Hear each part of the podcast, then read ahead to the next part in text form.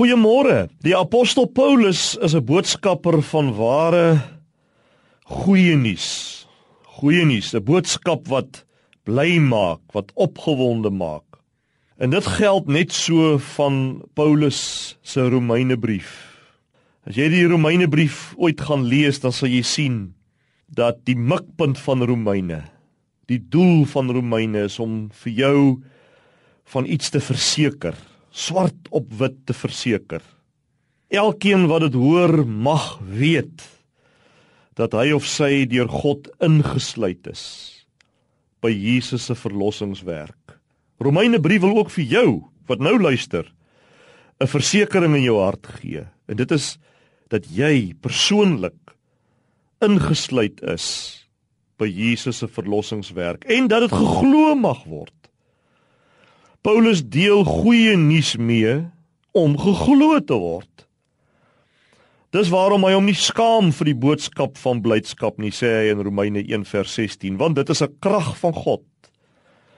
Al wat die evangelie boodskap doen is dit sê en dit beloof iets en dit vra om geglo te word. Paulus sê maar net en jy en ek glo maar net en daarin word God se krag bekend gemaak. Ja, dit klink nie eintlik baie kragtig nie.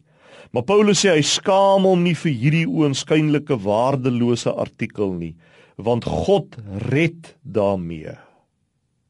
God red nie met die geloof nie. God red met die evangelie boodskap, naamlik dat Christus jou op die kruis gered het. Dis die inhoud van die evangelie boodskap. En juis dit is wat ons glo. Om te dink dat Jesus op die kruis van jou 'n mens gemaak het wat reggestel is met God. Dink daaraan. Dink daaraan. Asemrowend. En as jy dit begin glo, sal jy getroos begin leef, sal jy vry begin lewe, opgewonde en dankbaar en vol liefde beginne lewe. Kom ons bid net saam. Here, dankie vir my ewige redding. Ek sal daaraan vashou totdat U my kom haal. Amen.